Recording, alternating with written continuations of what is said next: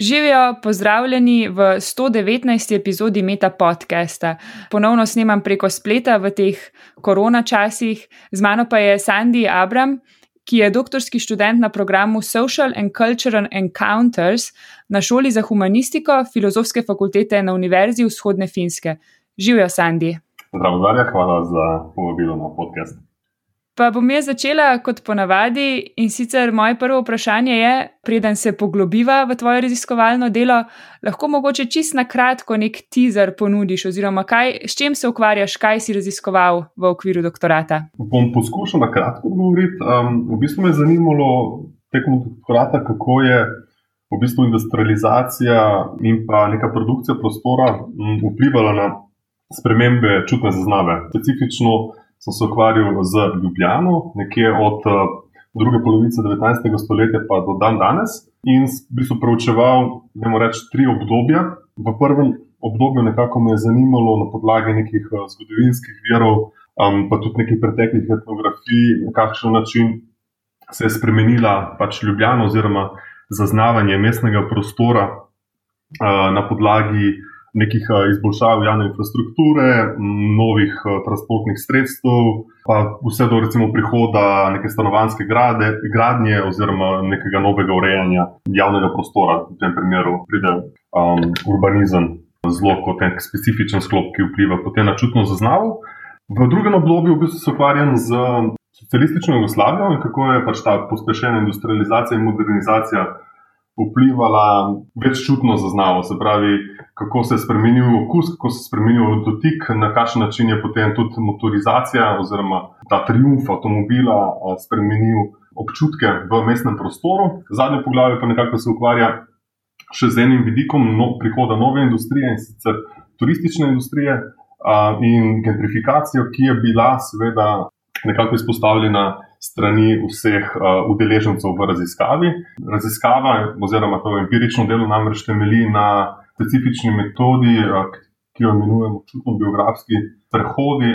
In vidim, ukvarjal si se v bistvu z nekim odnosom med temi udeleženci oziroma ljudmi mhm. v nekem prostoru, okolju. Ne? Mhm. Uh, Sej ne vem čisto, v kakšno področje bi to sodilo. Kako pa si sploh zašel na to področje? Kaj, kaj pa si pred, pred tem doktoratom uh, počel, kakšne stvari so te zanimale? Pred doktoratom, tekom um, študija, sem se v bistvu ukvarjal z urbanim uh, prostorom na primeru ulične umetnosti oziroma um, grafitarske subkulture, tako da me je že takrat prepletlo to zanimanje, na kakšen način se v bistvu, uh, je dojemanje prostora povezano z nekim zelo partikularnim vidikom uh, gledanja, doživljanja mesta. Um, tekom magistrskega študija pa sem se v bistvu ukvarjal z fenomenom skvotanja, uh, na primeru Barcelone in pa potujočih obrtnikov, ki se imenujejo Vandergezele. Um, in ki v bistvu ravno tako nekako kondenzirajo um, te različne načine zaznave in vežbanja oziroma mojstrovanja. Tako da primarno me pač zanimajo ta urbani prostor, občutki in tako naprej. No? Eh, v začetku si omenil, v bistvu, da si tri obdobja preučeval, ne? tri obdobja nekega odnosa med, med udeleženci in prostorom. Pa, če se dotakneva, kako se tega sploh lotiš? Eh, si bral kakšne zgodovinske um, vire, glede na to, da si omenil kar eh, preko 50 let nazaj, si, si dobil udeležence starejše in z njimi naredil intervju. Kako je potekalo to raziskovanje tega odnosa? Zdaj, glavnina v bistvu empirije je bila pridobljena v že prej omenjenih tudi biografijah geografskih sprehodih. Šlo je v bistvu za raziskavo v okviru projekta Sensotra, ki jo vodi um, finska raziskovalka Helmija Luoma in vodja tudi projekta. Um, stava v bistvu tega, te metode je precej preprosta. Gre za to, da uh, smo povabili nekoga iz starejše uh, generacije, rojene pred 50 letom, in nekoga iz mlajše, um, da nam pokažejo, kako oziroma prostore, ki so jim pomembni, v katerih se sprožajo neki čutni spomini, oziroma na katere so tako ali drugače vezani. In v bistvu ravno ta neka zelo, po eni strani načrtovana, ampak tudi po drugi strani pa zelo spontana interakcija je pripeljala do mnogoterih nekih. Vidikov, spregledanih vidikov, obrobnih, marginalnih vidikov, zaznavanja in spremembe v zaznavanju mestnega prostora in ljubljene. Tako da če se osredotočim recimo na to drugo empirično poglavje, oziroma že prvo, no, sem začel v bistvu z najstarejšo, tako imenovano čutno pričevalko, ki je bila rojena dejansko v um, zgodnih 20 letih. Um, tako da mi je omogočila ravno to, ta vidik, v bistvu povojne uh, Ljubljane. Uh, no, to pa pa seveda um, glavnina vseh ostalih sogovornikov je bila uh, osredotočena na socialistično Ljubljano, oziroma Ljubljano, kot jo dan danes uh, doživljajo, oziroma kot so jo doživljali, če sem še bolj precizen, uh, pred koronavirusom. To je, mislim, da je bila definitivno zelo radikalna sprememba v, v mestu, ki jo pač absolutno občutimo vsi, ki se vsak dan sprehajamo čez dan.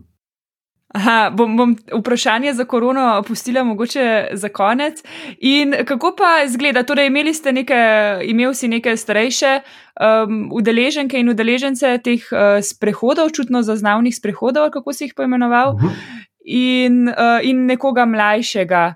In kako potem si ti samo zraven hodil, si zapisoval, kaj so se pogovarjali, kako se tega lotiš. V bistvu zanimalo te je, čeprav razumem, um, kakšni so njihovi neki, neki spomini, kakšen je ta odnos med prostorom, neko čutenje, čutno zaznavanje in kako v bistvu vse to, kar zgleda je nek multidimenzionalen problem, kako vse to raziskuješ. Je, so dovolj samo intervjuji, je še kaj drugega pride upoštev? Uh, tukaj v bistvu primarno stava ravno položena na hoju ko je tista, naj bi bila tista, ki um, nas pripelje do določenih pomembnih uh, in partikularnih vidikov nekega kraja, hkrati pa pač omogoča ravno to spontanost, da se dobesedno zaletimo v določeno reč. Na neki točki zavohamo, slišimo nekaj, kar nas sproža, neke asociacije, na, bodi si na neke pretekle spomine, ali pa pač uh, dopušča možnost neke zelo poglobljene uh, refleksije. Čist tehnično, kako v bistvu se loti tega zajema. Zajeli smo v bistvu vse te mm, naracije preko um, um, 180-stopinske kamere in uh, tudi z nekim zelo specifičnim uh, diktafonom. Tako da uh, smo v bistvu kombinirali uh, več različnih zajemov. Um, kar se tiče pa potem same interakcije, udeležbe na samem čutnem biografskem sprehodu, pa je seveda bila prepuščena potem um, sprehajalcu, sprehajalki. Seveda, imeli smo določen nabor nekih uh, tem, ki so nas zanimale, oziroma katere, do katerih smo se nekako skušali dokopati, uh, po drugi strani pa seveda puščali radikalno odprtost do tega, kaj želijo udeleženci, udeleženke z nami deliti, se pravi, v katerih vidikih, uh, bi, katere vidike bi se radi dotaknili.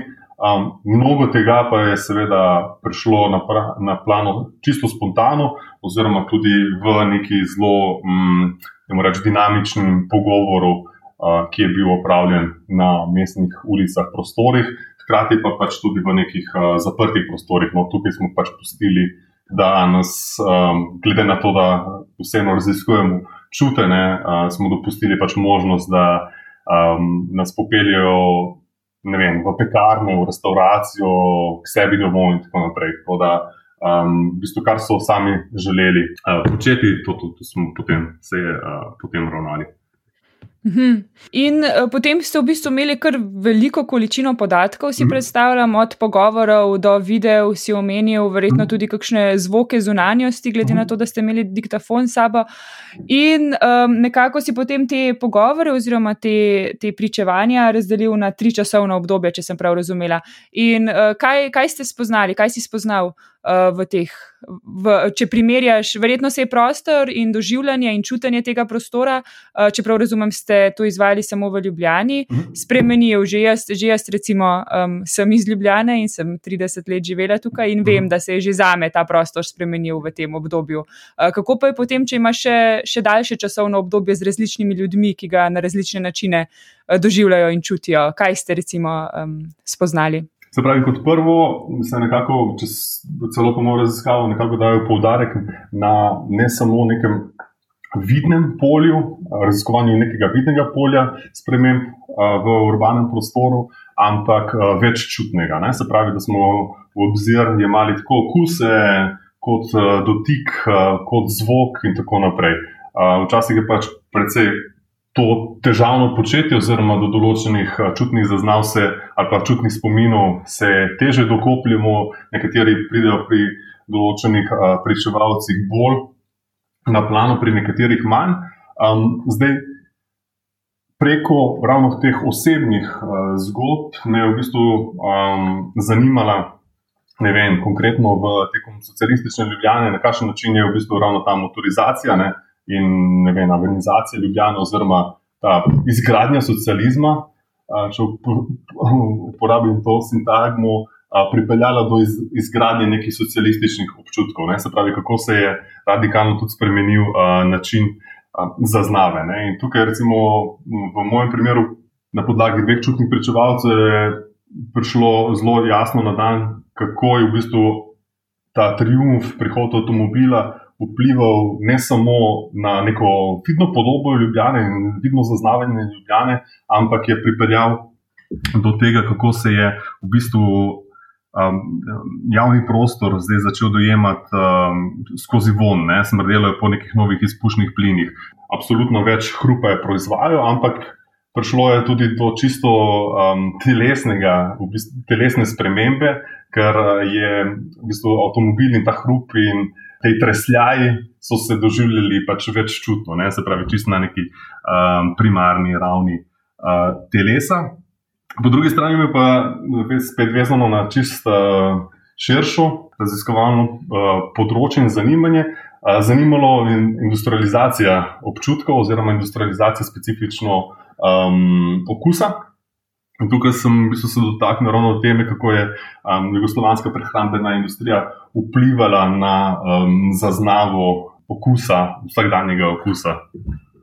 Da, recimo, to so dva, dva vidika, katera izpostavljam, seveda so pa še mnogoteri uh, drugi, ki um, nekako jih obdelam, oziroma pridejo na plano uh, v sami dizertaciji. Moram vprašati, kako pa je um, ta, kako se reče, jugoslovanska, um, kakšen izraz je uporabil? Prehrambena, prehrambena industrija uh, vplivala na, na okus. Uh, na okus, um, se pravi, tukaj je nekako uh, teza oziroma pričevanje ene um, gospe. Pokazalo, ne, na kakšen način se je v bistvu začela dojemati uh, konkretno sladkoba, oziroma um, prehrambeni izdelki. Eh, bili, embalaža prehrambenih izdelkov se je začela spremeniti, ne? se pravi, tudi dotik je bil drugačen. Eh, uporabljajo se vem, plastične vrečke, eh, uporabljajo se konzervirano hrano in tako naprej. Ne? Se pravi, je prišlo do te neke monotone hrane, ki se je konzervirala, do čim pač, če primerjamo z nam danes, ne?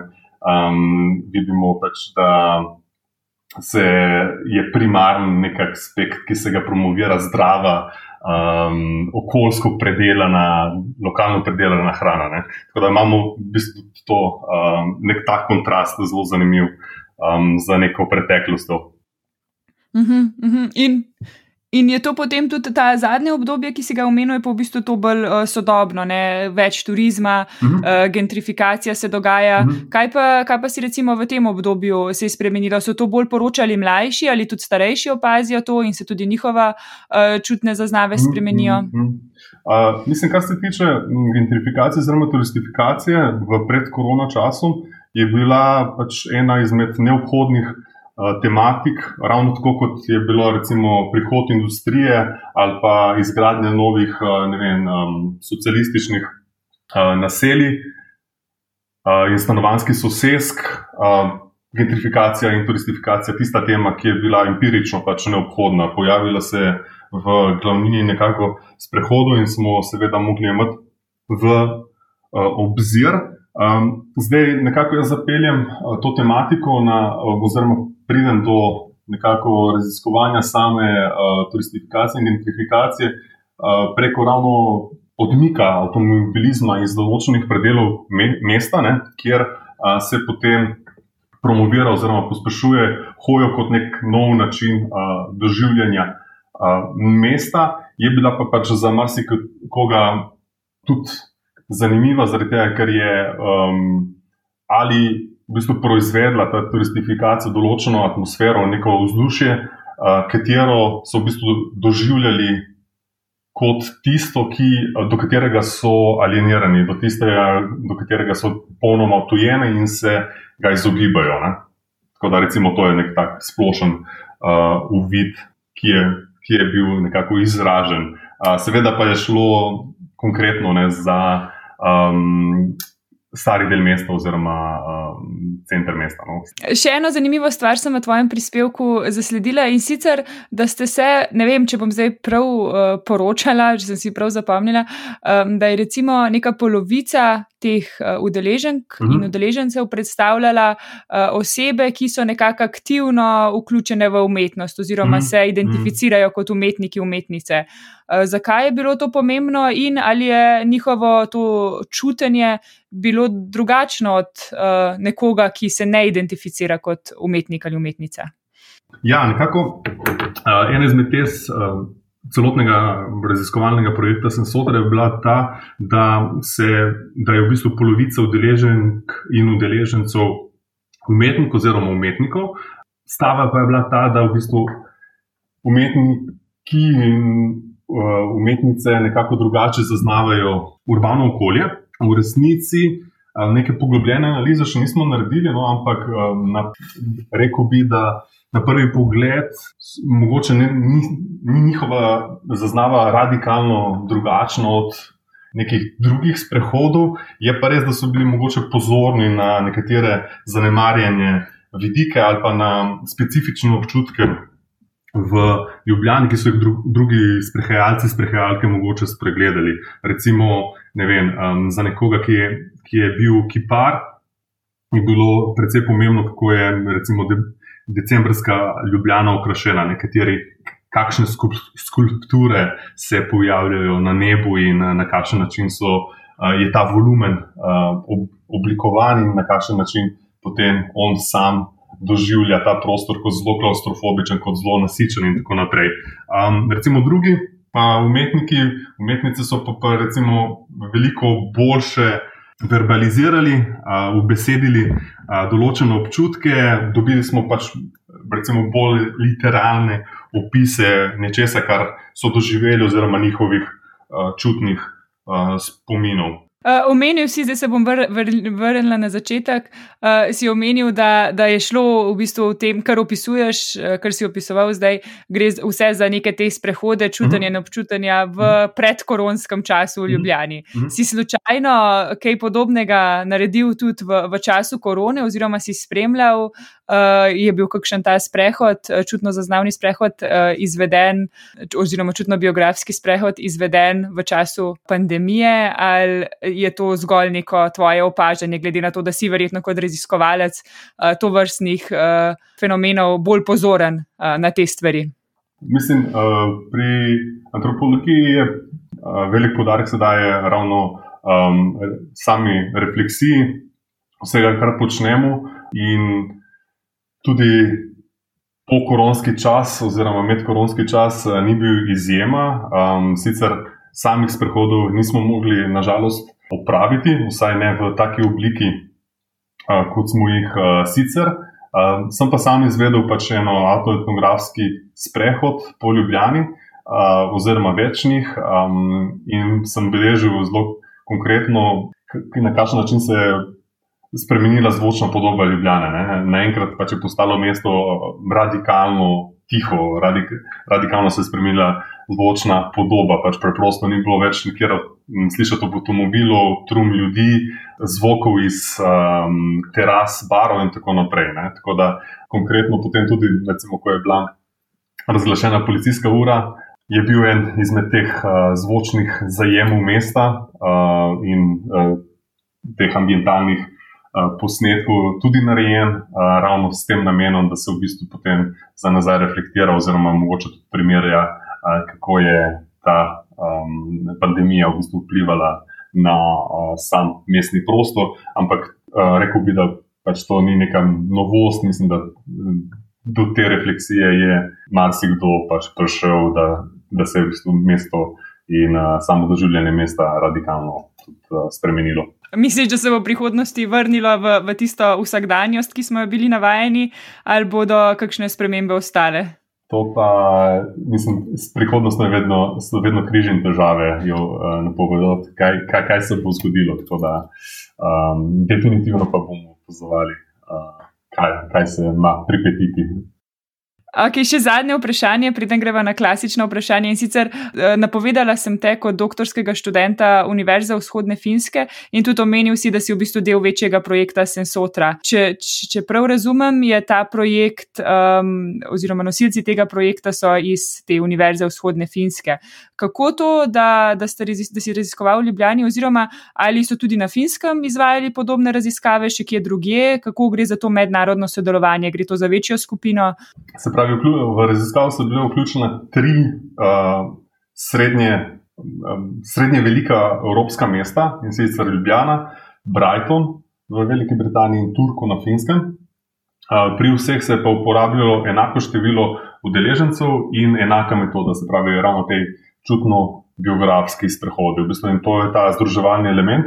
Hkrati pa so nas zanimali določeni tematski vidiki, tega raziskovanja, vsa ta celota in skupek bo potem omogočila tudi neko primerjalno analizo med samimi mesti. Prihaja zdaj do nekih določenih razlik med Brightonom in Turkujem, oziroma Brightonom in Ljubljano in tako naprej.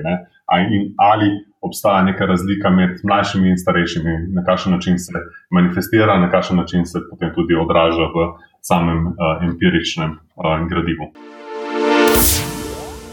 Eh, ali se spomniš kakšne zabavne ali zanimive anekdote povezane s svojim mentorjem ali mentorico, ali pa morda kakšne nenavadne, smešne anekdote, ki se je zgodila tekom tvojega raziskovalnega dela v sklopu doktorata?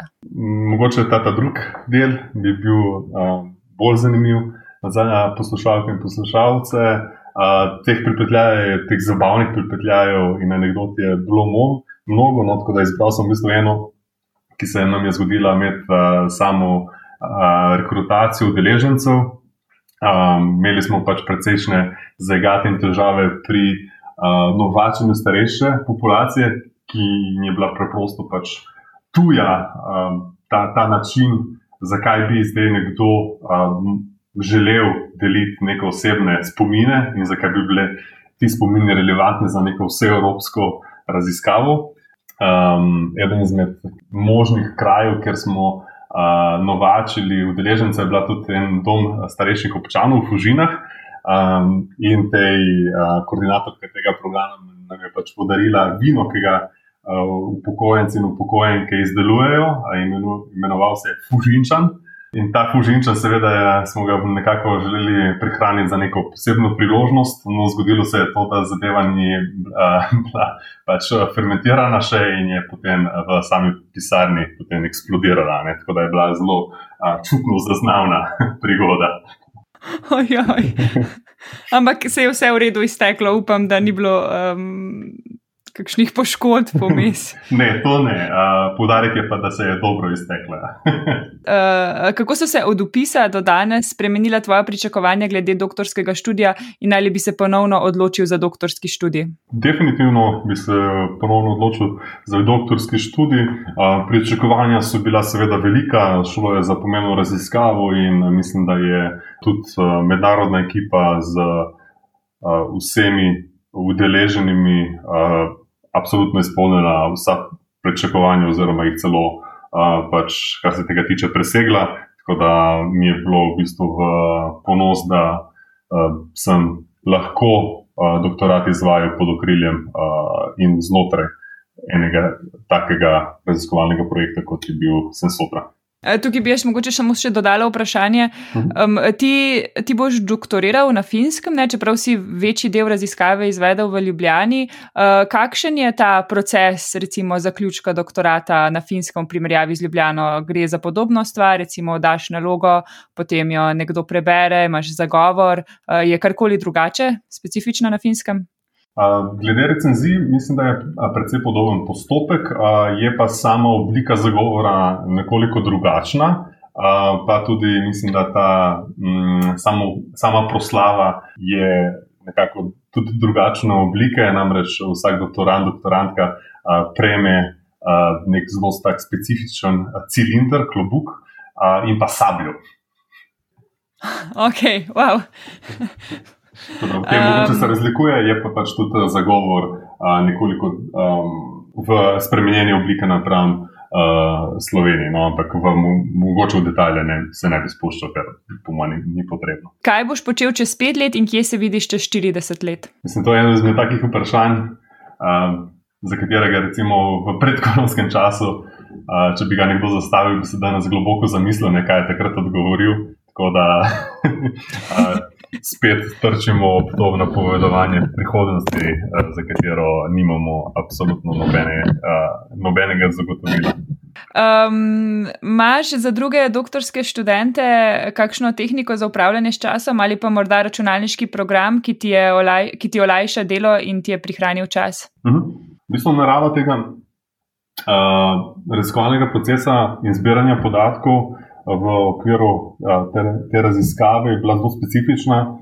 Zajemali smo pač posebno ogromne količine podatkov, videa, zvoka, fotografij in ostalega gradiva.